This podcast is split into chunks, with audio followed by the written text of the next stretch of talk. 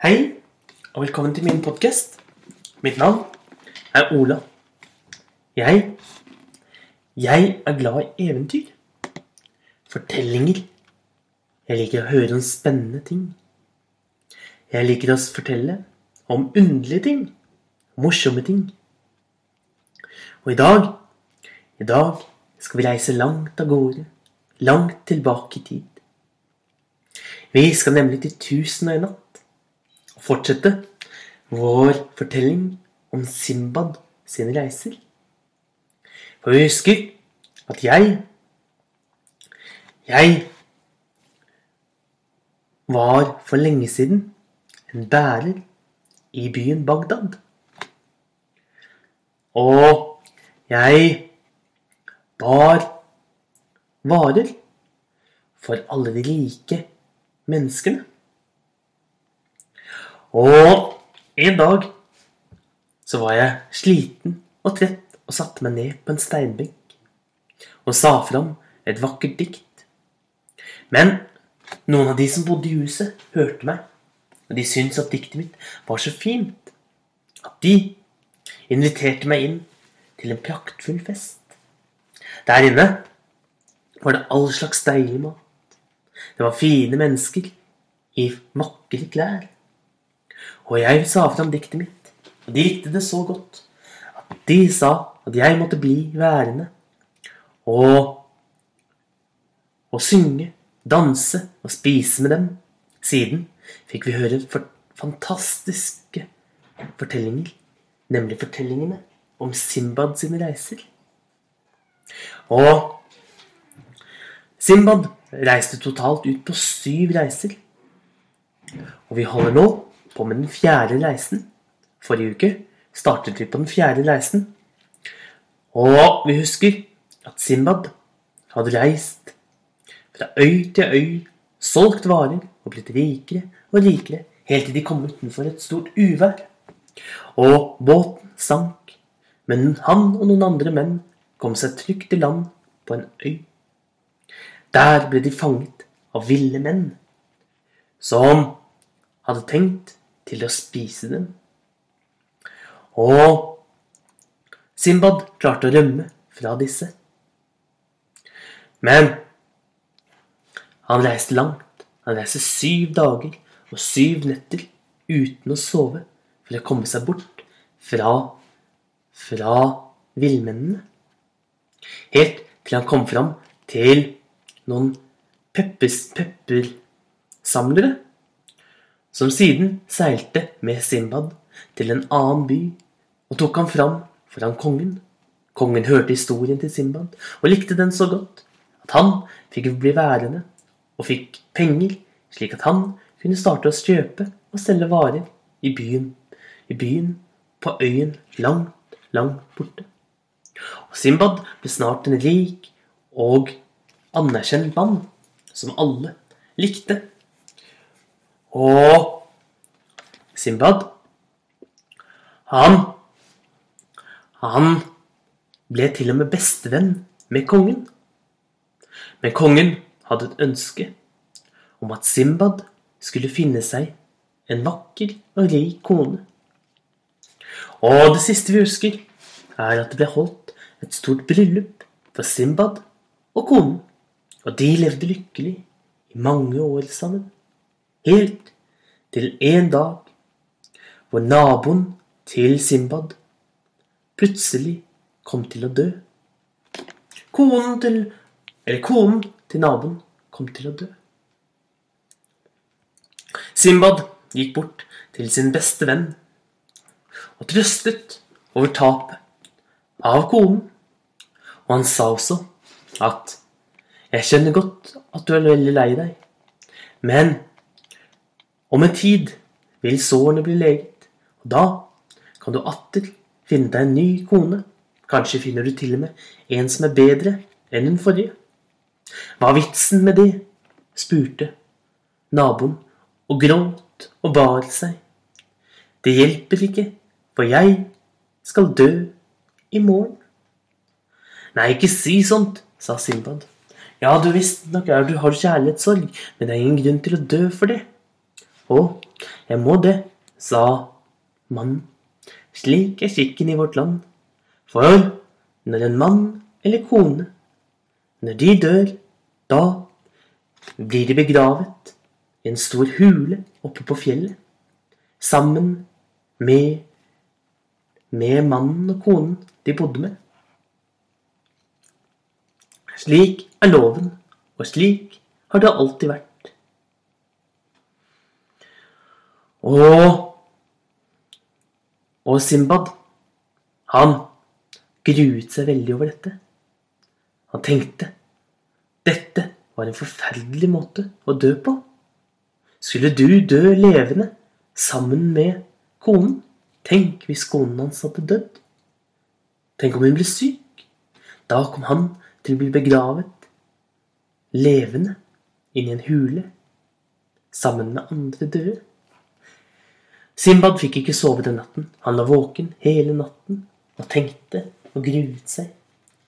Men til slutt så falt han til ro med at konen, hun var frisk og mest sannsynlig så kom sikkert han til å dø før henne.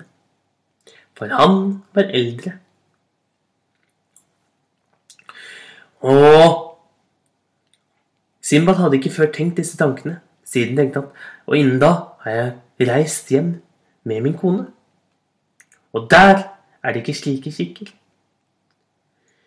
Men så gikk det noen dager.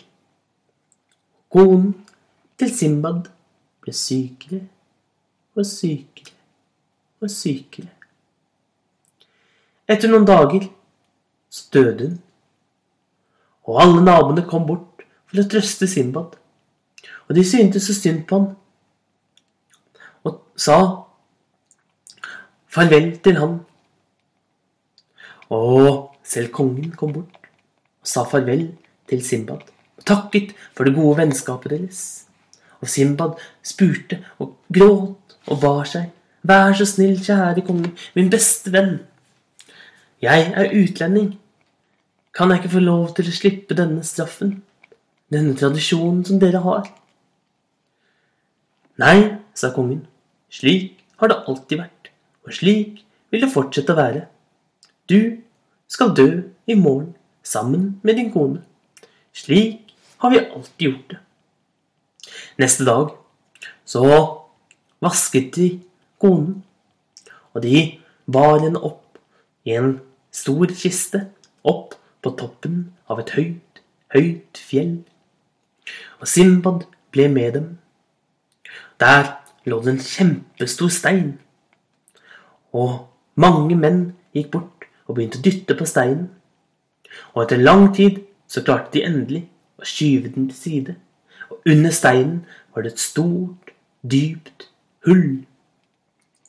Der filte de, fil, fil, der filte de ned kisten med konen til Simbad. Siden så ville de til å fire Simbad ned i, kist, ned i hulen, men Simbad nektet. Så de til slutt måtte binde ham, både hender og føtter, og senket hele han ned i hulen, hvor det var helt mørkt. Så slapp de ned en krukke med vann og syv brød som han skulle ha til å leve av de siste dagene sine. Så ba de Simbad om å knyte seg løs fra tauet, men Simbad nektet. Til slutt så ble de så lei at de bare tok tauet og kastet det ned til ham.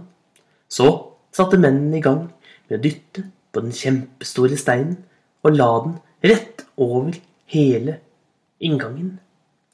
Og Simbad var fanget dypt, dypt nede i en stor grotte sammen med alle de andre som hadde dødd i denne byen. Og Simbad tok en eneste bit av brødet sitt og en slurk. Så Så tenkte han på livet. Han tenkte at dette var den verste måten som han kunne dø på.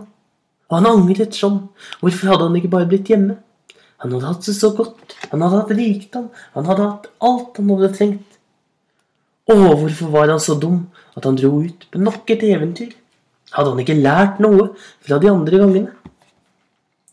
Og han lovet seg selv at hvis han kom levende fra dette, skulle han aldri mer reise på på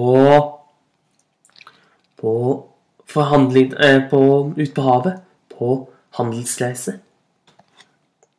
Og og Simbad, han begynte å gå rundt og lete. Det måtte da finnes en vei ut. Han lette langs alle veggene, men grotten var veldig stor, og han fant ingen veier ut.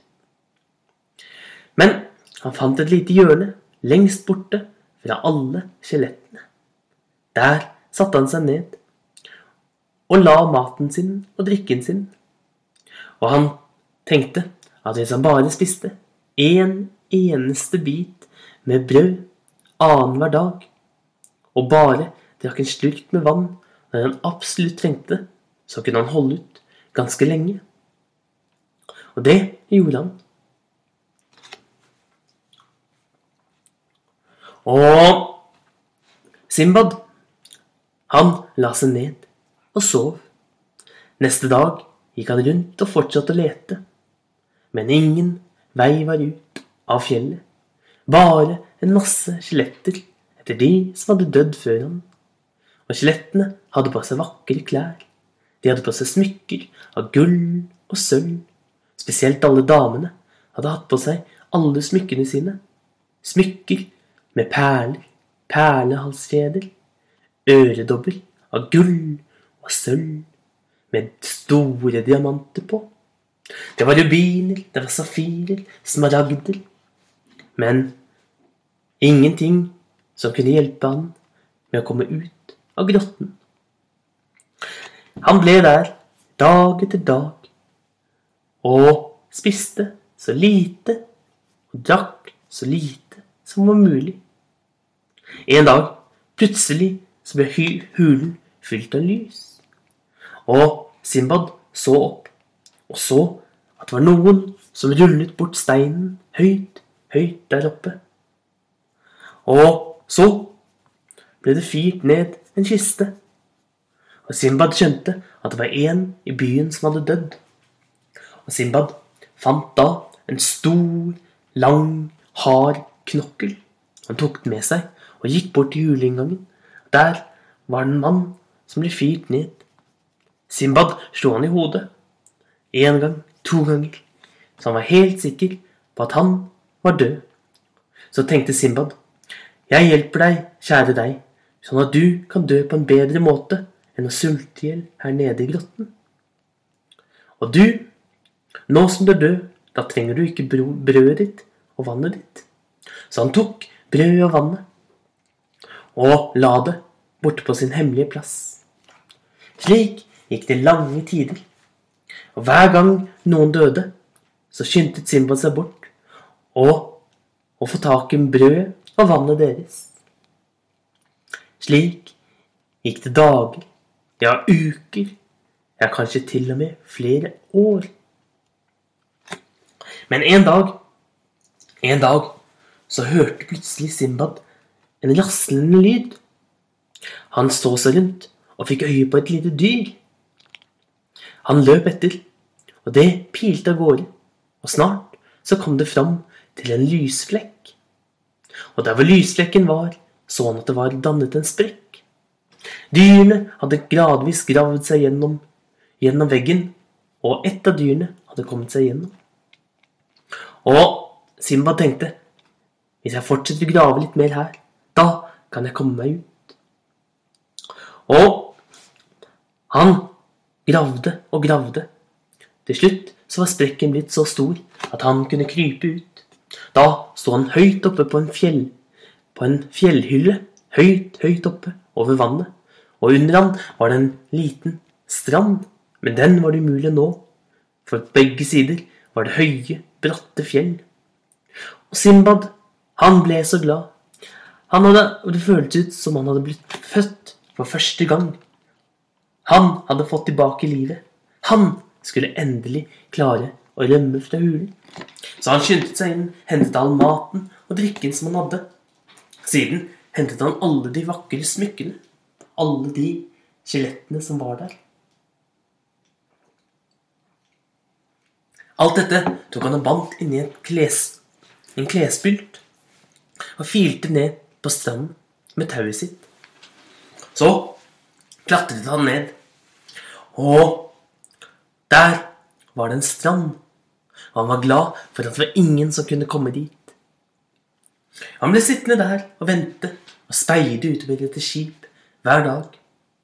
Og hver dag så klatret han opp igjen i hulen for å se om det kom noen flere mennesker dit. Slik fikk han også tak i nytt vann og nytt brød og stadig flere smykker, og han ble stadig rikere og rikere på sin lille, enslige stam. Endelig en dag så han et skip langt, langt borte, og han festet et hvitt tøystykke til en stokk og stå og sveivet med det. Og skipet oppdaget han. Skuten kom seilende inn, og Simbad fikk komme om bord. Han fortalte om sin historie, men han lot være å fortelle om hulen. For han tenkte tenk hvis noen på båten eller noen fra båten er fra øyen. Så tilbød han de vakreste perlene som han hadde, til kapteinen som takk for at han hadde blitt reddet. Men kapteinen bare lo og sa, vi har til vane å heller hjelpe skipbruddene, de som har sunket, de som har vært på en skip og mistet skipet sitt, de får både mat og vann hos oss, vin og øl om de ønsker det. I tillegg så får de penger, slik at de kan kjøpe og selge når vi kommer i havn. Og Simbad ønsket kapteinen et riktig godt og langt liv, og var så glad og takknemlig. Siden så reiste de fra by til by, øy til øy, og Simbad solgte. Han solgte smykkene han hadde med seg, og han fikk masse penger tilbake. Hver dag vokste rikdommen hans. Han ble rikere og rikere, og de oppdaget mange rare mennesker, mange rare steder spennende dyr. Etter en god, god tur, god lang tur, etter flere år ute på havet, og fra øy til øy, kom de endelig tilbake igjen til Basra. Og Simbad reiste så med en stor karavane opp, tilbake til Bagdad, hjem til huset sitt. Og sånn, fortalte Simbad, sånn endte min fjerde reise. Men nå er det tid for å feste, spise, synge og danse. Og hvis du vil, sa han og snudde seg og så på meg, hvis du vil høre om min femte historie, så kom tilbake i morgen. Så fikk jeg 100 gulldinarer. Og Simbad takket for kvelden. Og jeg skyndte meg hjem til meg selv. Og det det var fortellingen om Simbad sin fjerde reise. Jeg håper du likte eventyret, at du ikke syntes det var for skummelt. Så får du en riktig god dag videre, så ses vi igjen en annen dag. Ha det bra.